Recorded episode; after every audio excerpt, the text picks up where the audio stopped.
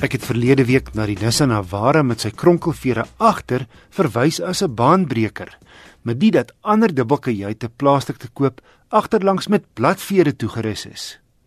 Na aanleiding hiervan skryf 'n luisteraar, Gawie Hoon van Potchefstroom, dat die Land Rover Defender reeds in 1983 kronkelvere op albei aste in gebruik gestel het, ingesluit hulle bakkies. Dankie vir die laat weet, Gawie. Nou die Defender word nie meer vervaardig nie, maar Land Rover werk aan 'n plaasvervanger. Mitsubishi het sy ASX Sportnuts verfris. Al die modelle is voorwiel aangedrewe en gebruik steeds die 110 kW 197 Newtonmeter 2 liter petrolmasjien. En selfs die GL basismodel het heelwat toerusting.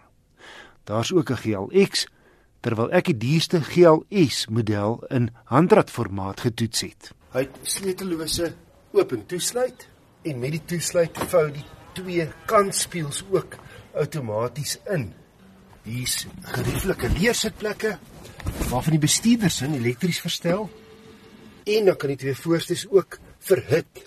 En hier's nogal 'n low en 'n high stelling. 'n Baie welkome kenmerk op 'n koue wintersoggend. En die stuur kan in en uit en op en af stel. Hier is ook sleutellose aansluiting. En dan 'n massiewe sondak. Langer as 'n half meter, skat ek. Dis egter net 'n sogenaamde panoramiese sondak. Die glas kan nie self oopskuif nie, maar dit skep tog 'n baie lekker gevoel van ruimte. En dan kan die spieëls ook verhit op daai koue wintersoggende wanneer die dou of ryp sig byna onmoontlik maak. En dan is hier 'n uh, baie netjies Rockfit Fastgate klankstelsel met nie minder nie as 9 luidsprekers.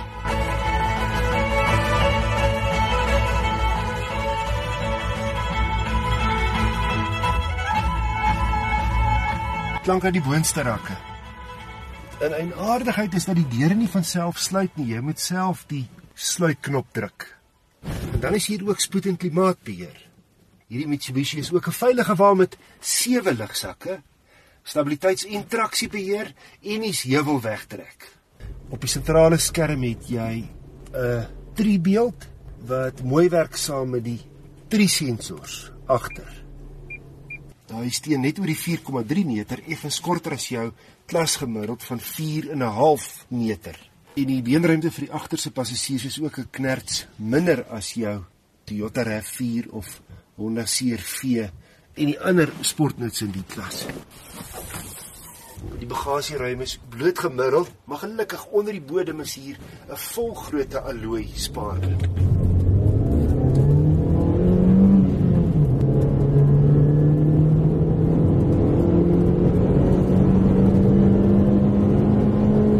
Net 'n 5-spoed ratkas, maar die rat is goed gespasieer en ek het nie regtig gesien dat dit gemis op die snelweg nie. Tweede rat vat jy tot by 100. Maar ondanks die lang bene het die 2 liter om heeltemal goed van sy taak gekwyt. Kaartuitskrif het 0 na 100 in 'n heel billike 9,4 sekondes afgelê. Die ASX wat nou al 'n hele klompie jaar op die mark is, is in die meeste gevalle bloot gemiddeld en word in sekere opsigte, soos brandstofverbruik, deur die jonger turbo-aangejaagde, meer moderne rygoed ore aangesit. Maar ten minste kry jy baie toerusting en 'n hoop veiligheidskenmerke, veral op die GLX topmodel.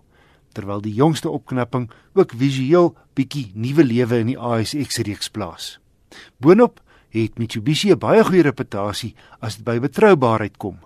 En 'n interessante ding Toe ek op hulle webblad na hulle pryslys gaan kyk, sien ek dat al die ASX modelle hierdie maand teen 'n goeie afslag verkoop word.